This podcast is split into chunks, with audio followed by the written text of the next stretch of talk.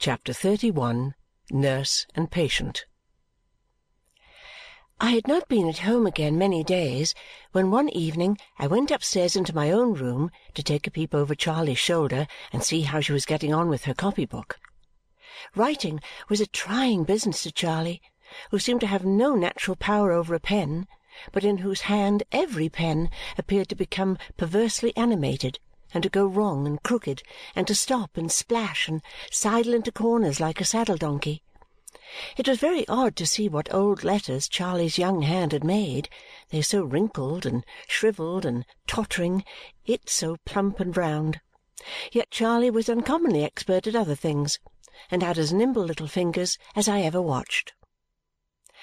"Well, Charley," said I, looking over a copy of the letter O, in which it was represented as square, triangular, pear shape, and collapsed in all kinds of ways. We are improving. If we only get to make it round, we shall be perfect, Charley." Then I made one, and Charley made one, and the pen wouldn't join Charley's neatly, but twisted it up into a knot. Never mind, Charley, we shall do it in time. Charley laid down her pen, the copy being finished, opened and shut her cramped little hand, looked gravely at the page, half in pride and half in doubt, and got up and dropped me a curtsy. "Thank you, miss. If you please, miss, did you know a poor person of the name of Jenny?" "A brickmaker's wife, Charley? Yes." "She came and spoke to me when I was out a little while ago and said you knew her, miss. She asked me if I wasn't the young lady's little maid, meaning you for the young lady, miss, and I said yes, miss. I thought she had left this neighbourhood altogether, Charley. Oh, so she had, miss, but she's come back again to where she used to live, she and Liz. Did you know another poor person of the name of Liz, miss? I think I do, Charley, though not by name. That's what she said, returned Charley. They have both come back, miss, and have been tramping high and low. Tramping high and low, have they, Charley? Yes, miss.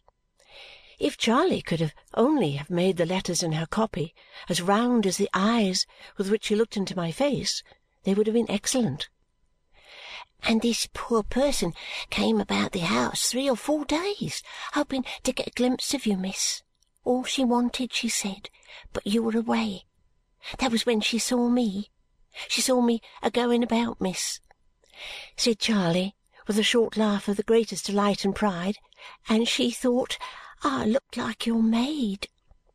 Did she though, really, Charley? Oh, yes, miss, said Charley. Really and truly. And Charley, with another short laugh of the purest glee, made her eyes very round again and looked as serious as became my maid. I was never tired of seeing Charley in the full enjoyment of that great dignity, standing before me with her youthful face and figure, and her steady manner and her childish exultation breaking through it now and then in the pleasantest way. "And where did you see her, Charley?" said I. My little maid's countenance fell as she replied, "By the doctor's shop, miss." For Charley wore her black frock yet. I asked if the brickmaker's wife were ill, but Charley said no. It was some one else. Some one in her cottage who had tramped down to St. Albans and was tramping he didn't know where. A poor boy, Charley said. No father, no mother, no any one. Like as Tom might have been, miss, if Emma and me had died after father, said Charley, her round eyes filling with tears.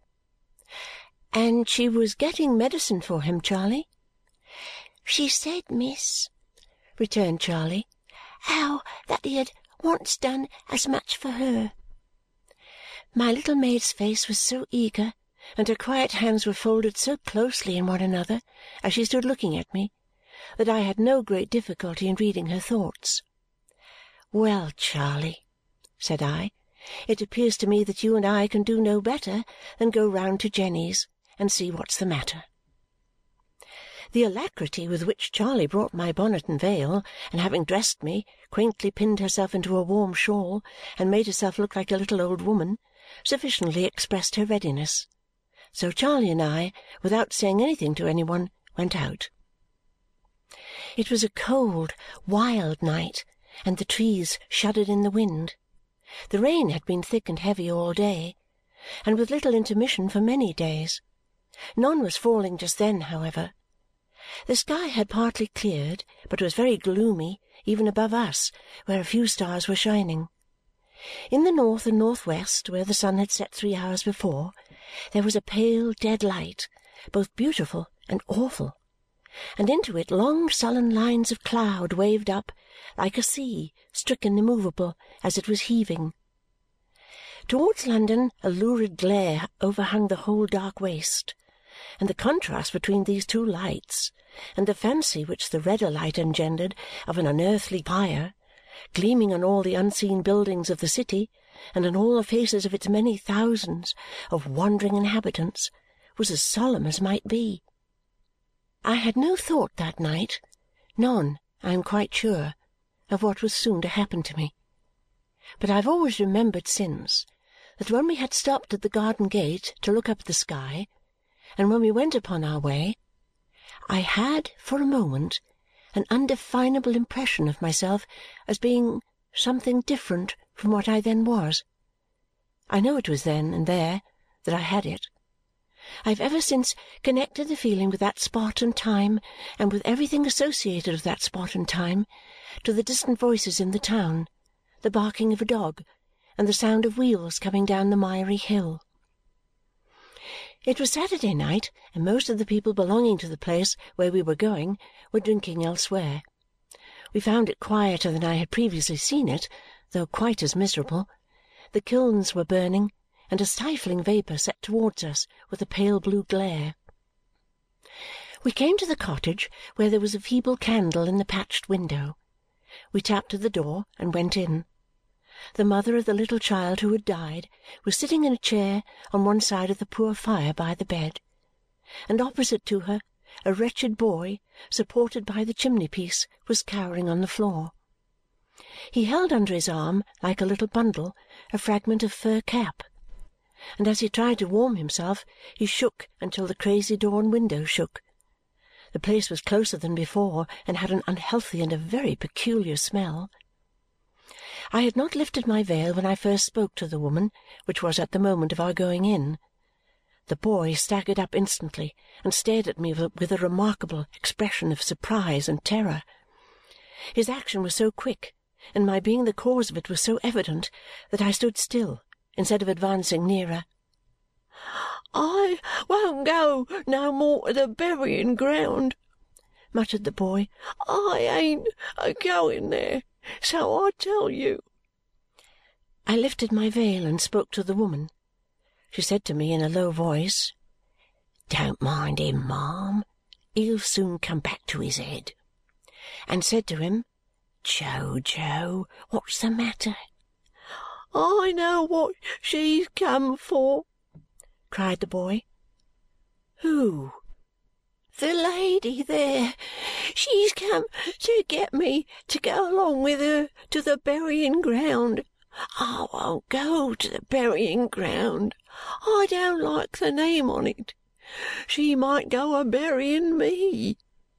His shivering came on again, and as he leaned against the wall, he shook the hovel. "He has been talking off and on about such like all day, ma'am," said Jenny softly. Why, how you stare! This is my Lady, Jo. "Is it?" returned the boy doubtfully, and surveying me with his arm held out above his burning eyes. "She looks to me the t'other one. It ain't the bonnet, nor yet it ain't the gownd, but she looks to me the t'other one." My little Charley with her premature experience of illness and trouble, had pulled off her bonnet and shawl and now went quietly up to him with a chair and sat him down in it like an old sick nurse, except that no such attendant could have shown him Charley's youthful face, which seemed to engage his confidence. I say, said the boy, you tell me, ain't the lady the t'other lady? Charley shook her head as she methodically drew his rags about him and made him as warm as she could. Oh, the boy muttered. Then I suppose she ain't. I came to see if I could do you any good, said I. What is the matter with you? I'm a being froze, returned the boy hoarsely, with his haggard gaze wandering about me, and then burnt up, and then froze, and then burnt up, ever so many times in an hour, and my head's all sleepy and all a going mad like, and I'm so dry, and my bones isn't half so much bones as pain. When did he come here? I asked the woman. This morning, ma'am. I found him at the corner of the town. I had known him up in London yonder, hadn't I, Jo? Tom all Alone's, the boy replied. Whenever he fixed his attention or his eyes, it was only for a very little while. He soon began to droop his head again, and roll it heavily, and speak as if he were half awake. When did he come from London? I asked.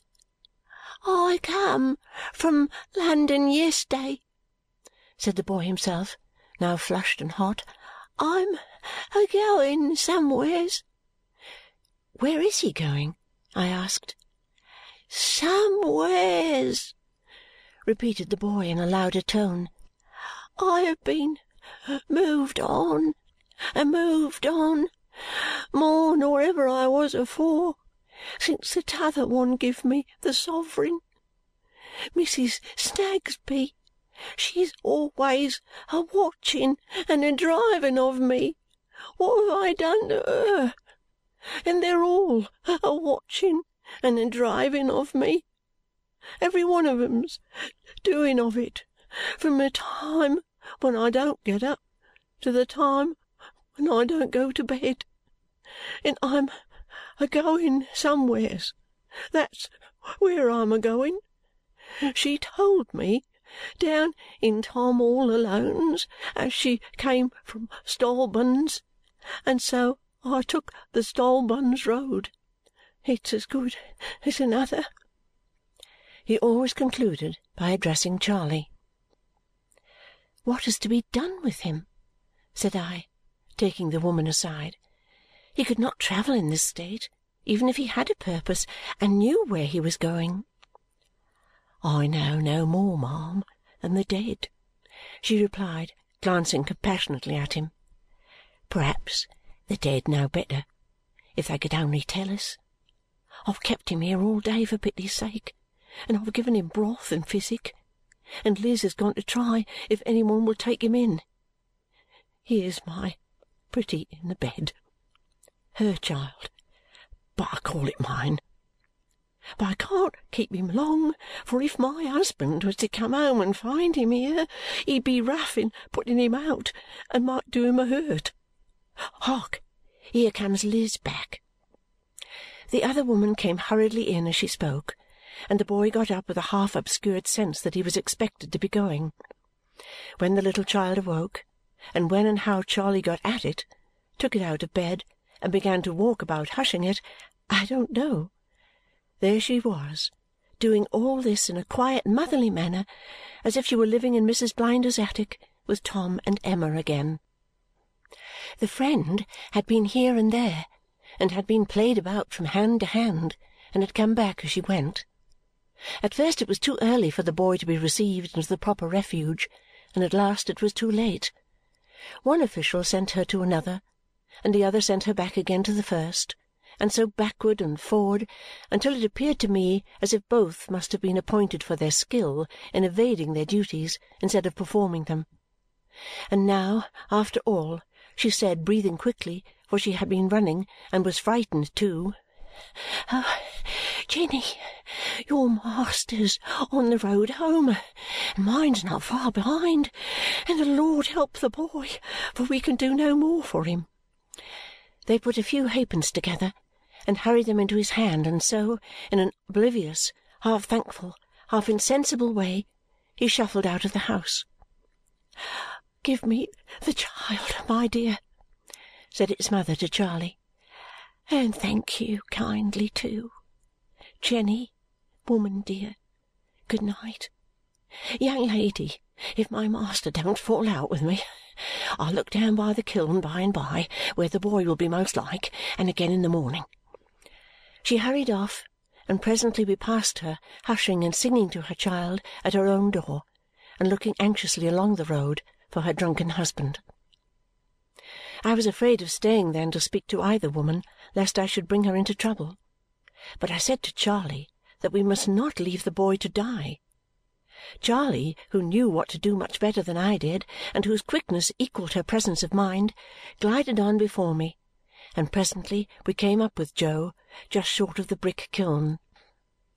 I think he must have begun his journey with some small bundle under his arm and must have had it stolen or lost. For he still carried his wretched fragment of fur cap like a bundle, though he went bareheaded through the rain, which now fell fast. He stopped when we called to him, and again showed a dread of me when I came up, standing with his lustrous eyes fixed upon me, and even arresting in his shivering fit. I asked him to come with us, and we would take care that he had some shelter for the night. "I don't want no shelter," he said. "I can lay amongst the warm bricks." "But don't you know that people die there?" replied Charley. "They dies everywheres," said the boy. "They dies in their lodgings. She knows where. I showed her. And they dies down in Tom all Alone's in heaps. They dies more than they lives, according to what I see." Then he hoarsely whispered Charley, "If she ain't the t'other one, she ain't the foreigner. Is there three of them, then?" Charley looked at me a little frightened. I felt half frightened at myself when the boy glared on me so. But he turned and followed when I beckoned to him, and finding that he acknowledged that influence in me, I led the way straight home. It was not far, only at the summit of the hill. We passed but one man. I doubted if we should have got home without assistance, the boy's steps were so uncertain and tremulous. He made no complaint, however, and was strangely unconcerned about himself, if I may say so strange a thing.